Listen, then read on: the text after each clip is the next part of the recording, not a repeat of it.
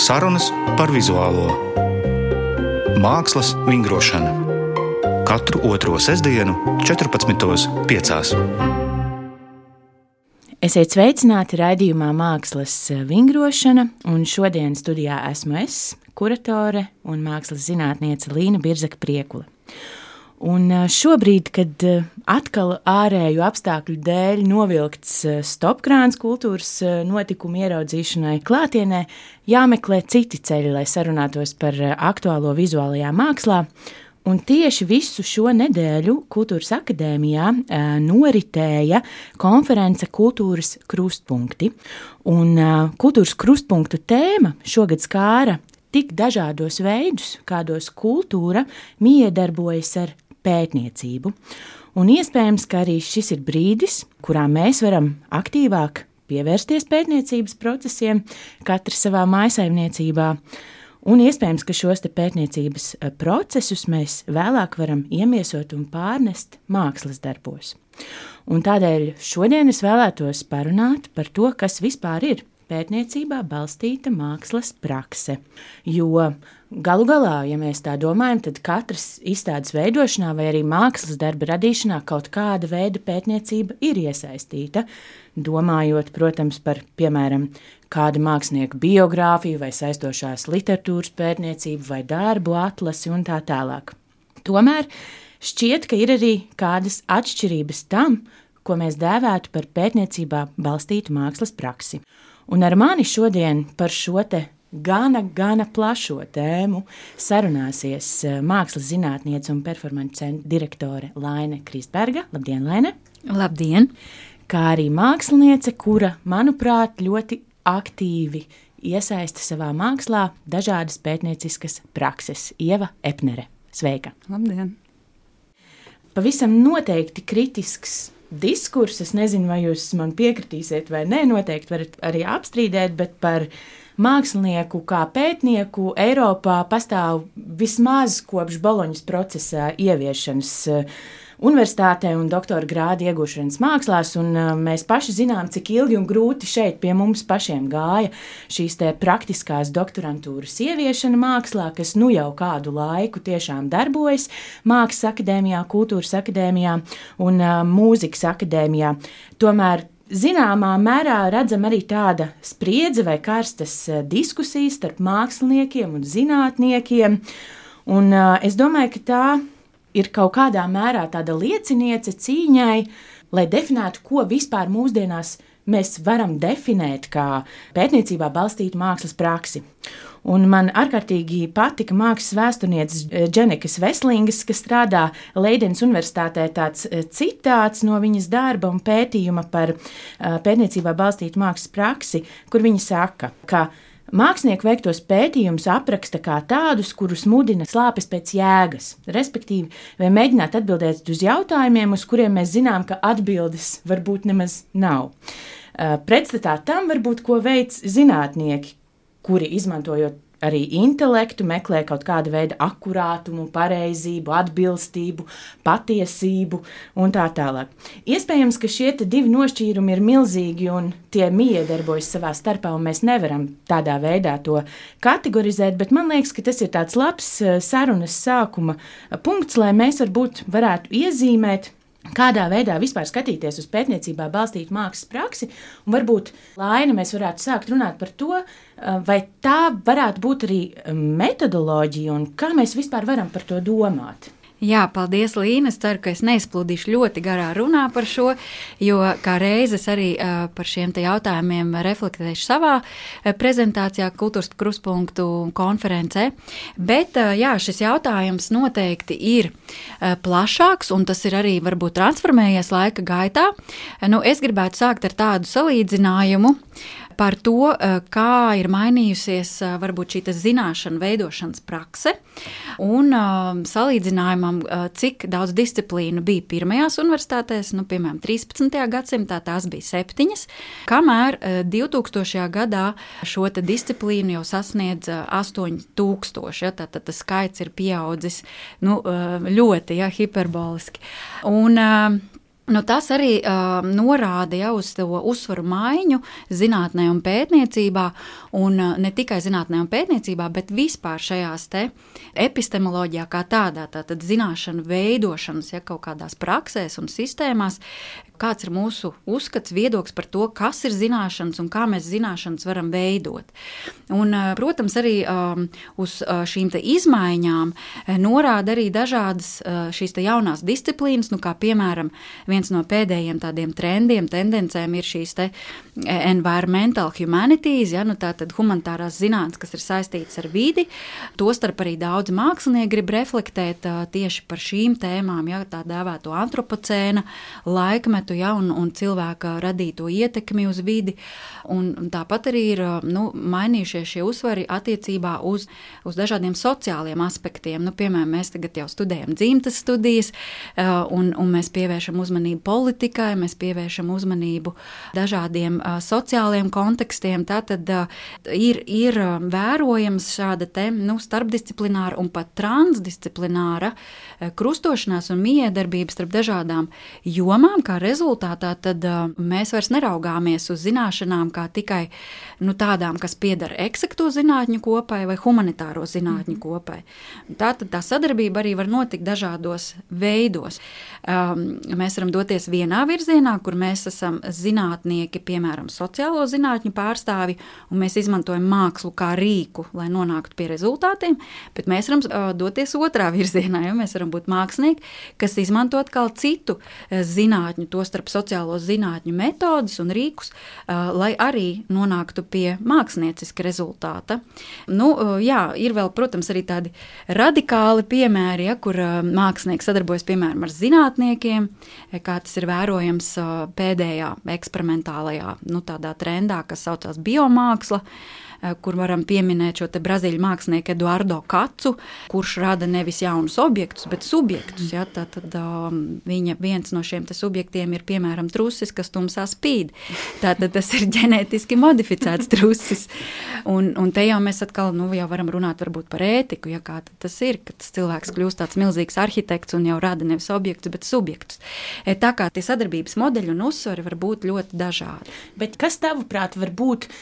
Ir kaut kāds tas atšķirīgais, jo arī man gribas domāt, piemēram, uzreiz salikt grozā dažādas mākslas prakses, un arī domājot par to, ko, piemēram, Ieva dara, kam mēs tūlīt eh, pievērsīsimies.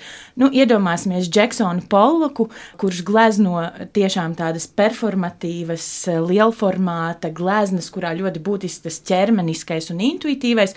Un tad pretī noliksim, piemēram, Gorilla Girls, kas sāka darboties 80. gadu Ņujorkā, 80. gadu uh, vidū, un bija šī ļoti anonīmā feministu mākslinieču grupa, kuras balstoties uz datiem, piemēram, uh, datiem, cik daudz sieviešu mākslinieču ir pārstāvēts Ņujorkas muzejos, izplatīja šos datus pilsētvidē, nu it kā vēloties pievērst uzmanību sabiedrībai šai problemātikai. Varbūt Lānijā ir ir kaut kāds ceļš, kā mēs varam domāt tieši par to pētniecībā balstīto mākslas praksi, kas tai ir iezīmīgs. Nu, tas arī nav tik vienkārši atbildāms jautājums, jo nu, tad būtu svarīgi konkretizēt, ja, nu, ko tieši mēs vēlamies sasniegt un ko tieši mēs vēlamies pētīt. Jo šis ir labs piemērs, ja, ko tu piedāvāji, kur, protams, jā, šie statistikas dati ja, nu, leģitimizē apliecinājumu ja, tai situācijai, kur, protams, ir nevienlīdzībā balstīta. Nu, tā tad statistikas nu, zinātne, tā arī ir zinātne, šajā gadījumā ja, nāk talkā un palīdz veidot veidot tādu pārliecinošāku šo argumentu.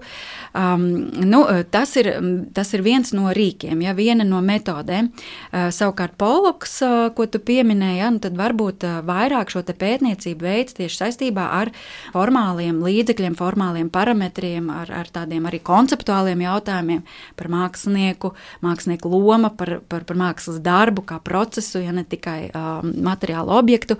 Tā kā nu, um, tas ir arī tas, ko es vienmēr saku studentiem, ja, no sākuma mums ir jādefinē mērķis, nu, vai vismaz pētnieciskais jautājums, un, un tad jāsaprot, kas ir tas, ko mēs gribam sasniegt. Un tad ir jāizvērtē tās metodes, kuras tad būs visatbilstošākās mērķa sasniegšanā.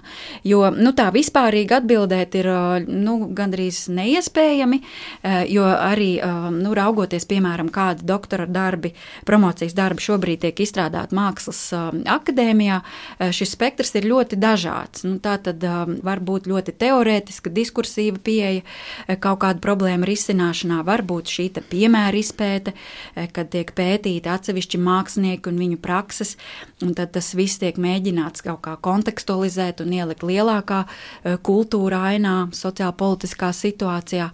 Un, un, protams, ka šis uzstādījums ir, ir ļoti, ļoti svarīgs. Tas ir jautājums par to, ko mēs gribam noskaidrot, ko mēs gribam uzzināt. Bet uh, droši vien, un esmu pārliecināta, ka pastāv noteikti uh, mākslinieki, kuriem šī pētniecībā balstītā praksa kaut kā iezīmējas vairāk, kur šī interese par pētniecību konkrēti ienāk arī uh, viņu uh, mākslā. Un, uh, un, neba par vēl šeit šodien atrodas arī Ieva Epner, jo man liekas, ka Ieva tavos darbos ļoti spēcīgi iezīmējās šī pētnieciskā dimensija. Es nezinu, gan šīs te intervijas, ko tu veic ar saviem pētāmajiem um, subjektiem, gan arhīvu materiāli, kas pēc tam pārtop kaut kādā veidā vai tiek integrēti mākslas darbā. Kaut vai domājot par tavu darbu, Purvīšu balvai dzīvo atmiņu jūra, kas patiesībā arī caur konkrētu cilvēku stāstiem, caur pētījumu ilga laika periodā mēģina nu, pietuvoties tai postpadomju situācijai, šī brīža padomju mantojumam, kas atstājas tādu nu, neizdzēšamu iespaidu arī uz uh, šīs dienas cilvēku. Un varbūt, jā, tu varētu pastāstīt, kas tevi tieši interesē šī izziņas pētniecības procesā, un varbūt kā tu arī nonāci pie tiem saviem pētāmajiem subjektiem? Nu jā, ar vienu raidījumu, protams, būtu par maz par to runāt. Bet jā, nu, jāsaka to, ka visi mani darbi nav, protams, tik ļoti izpētē, padziļinātā ilgtermiņā balstīti, bet pēdējo gadu darbi, jāsākot ar dzīvo atmiņu jūru vai varbūt jau pat daži darbi iepriekš, kaut kā tā ir sanācis, ka tie darbi paņem ar vien vairāk laika. Un pieņemsim, pēdējais, viens no jaunākajiem darbiem, ko es rādīju Survival Kit, veltīts Martai Rinkai, kas saucās Pirmā dāvana. Es viņu aizsāku patiesībā 2017. gadā. Un tad, tad, kad pie manis nonāca materiāls par zaļo skolu, Tāda, protams, izpētes rezultāti. Es negribu lietot vārdu pētījumi, vienkārši izmeklēšanas rezultātā. Ja. Es veicu izmeklēšanu, uzzināju par Martu Rinku, un tad, protams, tur uh, pavērās tādi lauki. Es saprotu, ka nu, tas, tas nav vienā gadā, divos gados nav izdarāms, un tāpēc es šo darbu arī turpinu no gada uz gadu, un katru gadu parādu viņu drusku savādākā veidā. Bet, piedod, vai šī Marta Rīgas pētniecība nebija vispār aktualizēta, vai bija veidā? Nu, tātad, tad, kad mani uzrunāja 17. gadā Inga Lāce, tas bija atkal cits survival kit festivāls, viņa bija viena no līdzkuratoriem, viņa teica, vai es nevarētu kaut ko papētīt par zaļo skolu. Tas bija, protams, zināms, ka tā ir Dombrovska dibināta, bet nekur nefigurēja Martas Rinkas vārds, un tad, protams, es pati sāku par visu kaut ko interesēties, kas tur ir aiz tās zaļās skolas fasādes un nonācu līdz bērndārzu vēsturniecei. Vinetai Jonītei uzmeklēju viņas telefonu, sazvanījos, uzzināju, ka viņa ir izdevusi pati pa saviem līdzekļiem grāmatu, kas veltīta ir Martai Rinkai, kas patiesībā ir pirmā vispār, nu, viņa tika saukt par bērndārzu māti. Un ka viņa aizsāka visu šo kustību Latvijā, un, un tad jau sadarbība ar Vinetu Junītu pārvērtās jau draudzībā, un tā mēs vēl šobaldien ar viņu sastrādājamies. Un tad, kad es biju gadu Berlīnē, bija lieliski iespēja nokļūt Pestolocija Freibeļa institūtā, kurā Mārta ir mācījusies. Un tur jau vesels cits stāsts būtu, kā, kā tur gāja, lai tiktu pie arhīva un, un fondiem. Bet jā, nu, stāsts par to, ka tev pamet kaut kādu ideju. Konkrēti, es pati nebūtu iedomājusies par zaļo skolu, ja man nebūtu piedāvāts, bet tas viss izrādījās tik nenormāli interesanti un nebija tiešām arī plašāk izskanējis. Un, Un Vinets Jonīts pētījums kaut kādā specifiskā grupā, jā, viņš bija pieejams, bet patiesībā nu, plašāka auditorija neko par to nezināja. Un tad mēs kā mākslinieki, mums ir varbūt tās tā tribīna mazliet skaļāka, un mēs varam par to paust visiem. Un, uh, un tas bija tāda laimīga apstākļu sakritība. Un, jāsaka, vispār tie darbi, kur ir darbs ar arhīvu un kaut kādu tiešām izmeklēšanu, ir ārkārtīgi aizraujoši. Man tiešām jau vairāk šķēršļu, jo interesantāk. Tad tu saproti, ja tev kaut kas nedodas tik viegli rokā, ka tur noteikti kaut kam īpašam ir jābūt gala rezultātā. Un ir tāds drives, ja tā var teikt. Radījumu šodien vadu es, Līna Birzaka Priekule, un ar mani šodien studijā sarunājas mākslas zinātniece Laina Kristberga un māksliniece Ieva Epnere, un mēs diskutējam par pētniecībā balstītu mākslas praksi.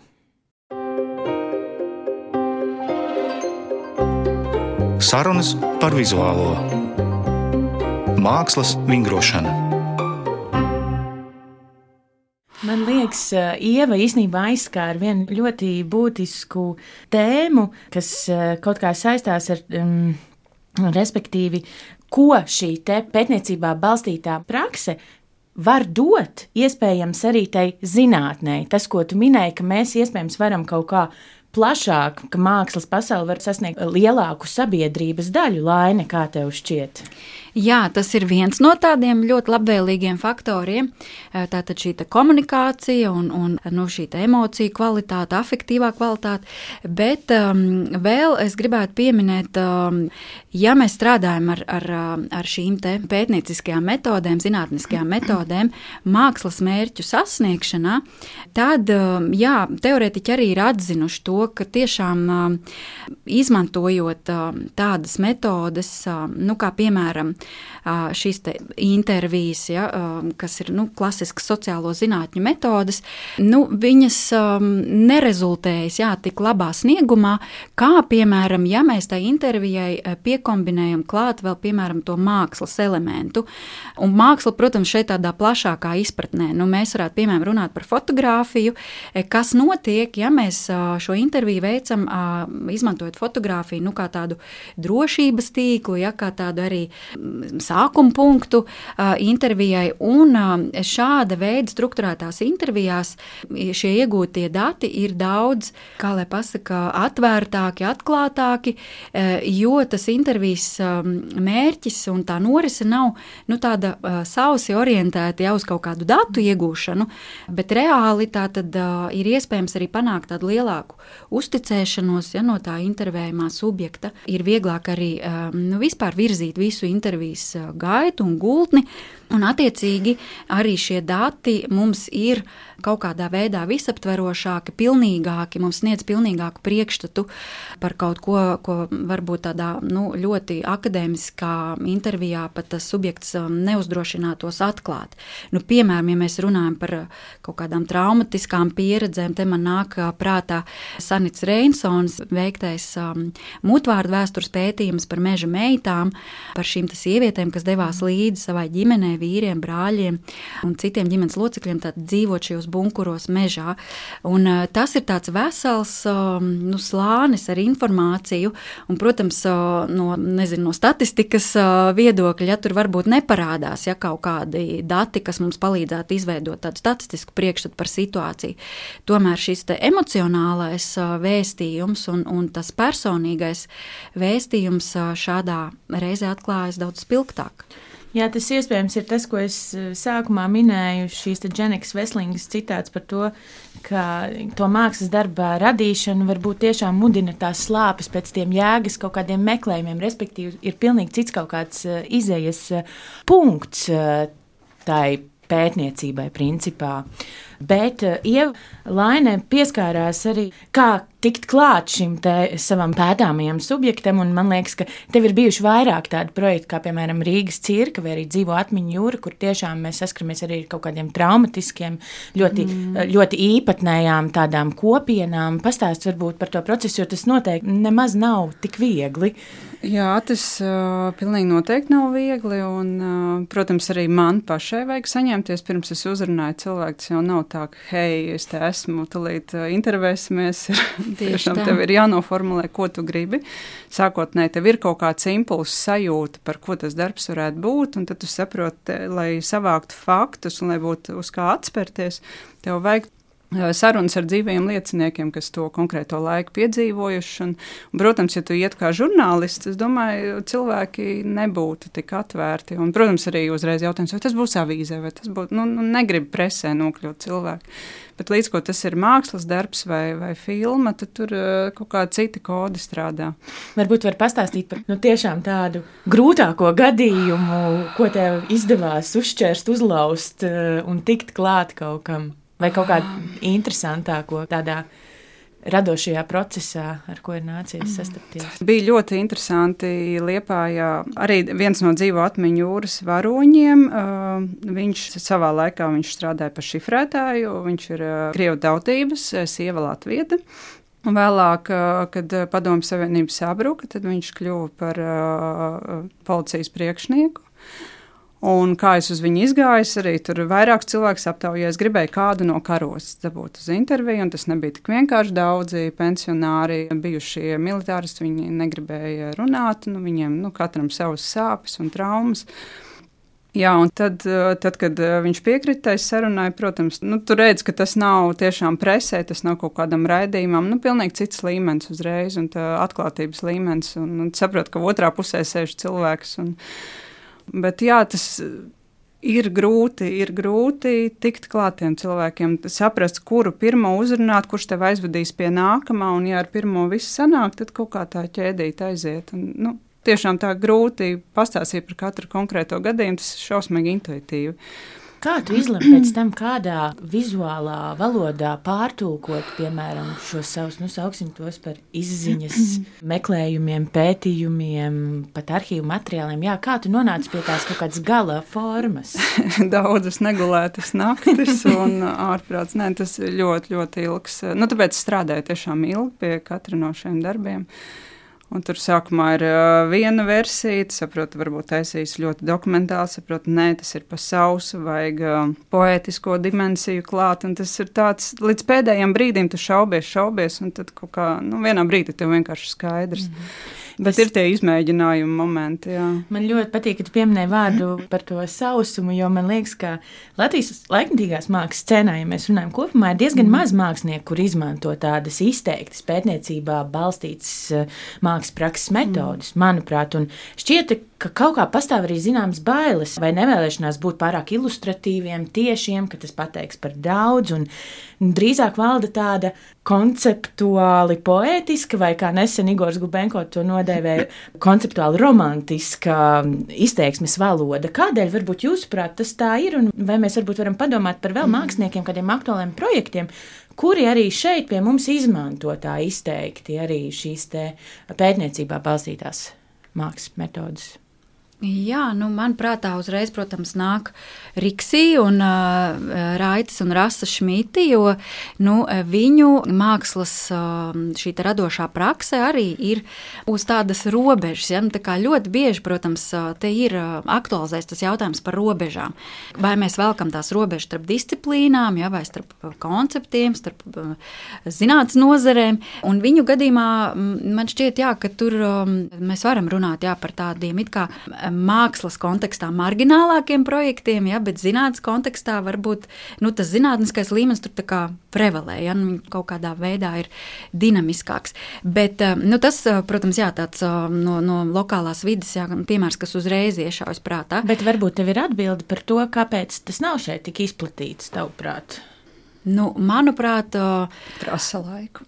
Jā, tas ir ļoti laikietilpīgi. Jā, tas ir, nu, protams, ir dažādi praktiski apsvērumi, bet nu, tas ir jautājums arī, nu, es negribu izklausīties klišejiski, ja, bet tomēr par šo te, nu, padomju mantojumu, kā mēs vispār attiecamies pret zināšanām, kā mēs veidojam zināšanas un uh, ko mēs uh, uzskatām nu, par, par nu, nezinu, piemēram, par mākslas praksi, ja, vai, vai par zinātnisku praksi, un vai mēs redzam iespējas šīm praksēm savstarpēji miedarboties un, un aputeksnēties un, un nu, visādos veidos produktīvi vienai otru ietekmēt.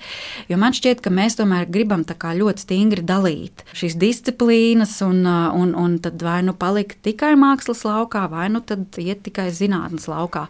Bet nu, tas, jā, iespējams, jā, ir, ir nepieciešama jā, kaut kāda uzdrošināšanās, vai varbūt arī mehānismi, kas sekmētu šādu uzdrošināšanos. Jā, es tieši domāju par to, ka varbūt tur meklējums arī jautājums izglītībā. Tieši, tieši par to arī gribēju teikt, ka akadēmija, man liekas, vēl joprojām nepiedāvā un nav pasniedzēja. Var jau būt, ka šobrīd ir kaut kas radikāli mainījies, bet tad, kad es mācījos, nu, protams, nekas tāds. Un visas tās manas rezidents un stažēšanās ārpus Latvijas ir uh, sekmējušās tajā, ko es daru. Jo. Un noteikti arī savaduši tev kopā, arī, jo tu jau bieži sadarbojies arī ar dažādu citu nozaru speciālistiem. Mm. Tu neesi kā viens mākslinieks, viens pats, bet nu, meklē, kā piesaistīt tavai konkrētai tēmai vēl citu nozaru speciālistus. Domājot tieši par mēdīju izvēli, jo patiesībā tie piemēri, ko mēs te pieminējām, saistīti ar fotografiju, video jomu, tādiem audiovizuāliem mēdījiem. Mm. Es domāju, cik ļoti varbūt tas ir saistīts arī tieši šī te, uh, vizuālā valoda ir saistīta ar šo pētniecībā balstītu mākslas praksi, jo, piemēram, arī šobrīd, un es ceru, ka pēc Covid atkal no jauna atvērsies Ivetes gabaliņas izstāde ISSP galerijā, mm. kur mākslinieci, piemēram, ir pētījusi vairāku gadu garumā šo te uh, pirts tradīciju, bet viņi to ir atspoguļojusi nevis tādā dokumentālā veidā, bet arī, kā Ieva minēja, nu, ka viņi meklē kaut kādu to poētisko valodu vai to esenci, kādā izteikt šīs tradīcijas nozīmi. Un šeit mēs arī redzam to fotografiju. Iespējams, ka kaut kādā veidā tas ir saistīts ar mēdīju, kā jums liekas. Nu, fotografija jau pat par sevi ir ļoti sociāls medijs. Nu, tas, nu, ja vien, protams, mēs nefotografējam kaut ko abstraktu, nu, tad nu, diezgan jau tā fotografijas medija arī vēsture ir veidojusies tādā miedarbībā ar sabiedrību un sabiedrības procesiem. Un tas, protams, ir arī jautājums par fotogrāfa lomu, bet es esmu pievērsusies jā, gan Ievas radošai darbībai, gan arī Ivets radošai darbībai un, un tostarp arī Katrīnas Neiburgas praksē, kuras tad samanu jā, šo te antropoloģisko interesi, kas tiek kombinēti jā, ar mākslas valodas izteiksmes līdzekļiem. Bet antropoloģija arī ir viena no sociālajām zinātnēm, un, un protams, ir veikta arī antropoloģiski pētījumi par pirts kultūru. Un antropologi arī ir nu, iefiltrējušies ja, šajās pirts kopienās un izbaudījuši visu procesu, rituālu, ja, uzzinājuši no iekšienes ja, šo informāciju.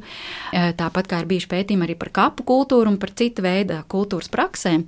Eh, bet, lūk, tad eh, mākslinieks jau tomēr nu, eh, neveidos ja, nu, tādu verbālu rakstisku stāstījumu par to, ko viņš ir noskaidrojis vai atklājis. Tad tas visdrīzāk būs tas jautājums par izpausmi, par, par rīkiem, līdzekļiem un risinājumiem. Kā tu jau ej uz izstādi pēc vizuāla pārdzīvojuma, ja tu jā. ir kaut ko vizuāli, kas tev aizķer, un tad pēc tam, protams, ja tur ir tā pētniecība vēl klāt, tu vari iegrimt dziļāk tēmā, bet pirmais impulss ir tas, ko tu redzi. Pēc tam tikai tu sāksi klausīties un lasīt, un nu, tāpēc mēs esam vizuāļi. nu, jā. Man jāsaka jums eh, liels paldies par sarunu. Manuprāt, mēs esam šeit pavadījuši ļoti labu pusstundu, kvalitatīvu. Man patiesībā gribētos eh, beigt ar eh, Riks Cēras un Raidu Šmitu citātu, ko es atradu, kas ir saistīts tieši ar šo tēmu. Un, manuprāt, ļoti labi arī der kā arguments, kā nobeiguma tēze mūsu šīs dienas sarunai. Mākslinieckā pētniecība atšķiras no zinātniskās pētniecības. Rezultāti var būt daudz nenoteiktāki, ja vien tiek paplašināts robežas, pavērti jauni apvāršņi un ierosināti jauni jautājumi.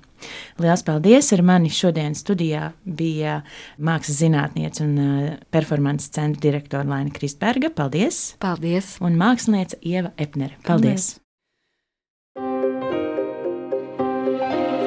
Raidījums tapis ar valsts kultūra kapitāla fonda atbalstu. Raidījumu vadīju es, Līna Birzaka Priekule un producente Inta Pīrāga.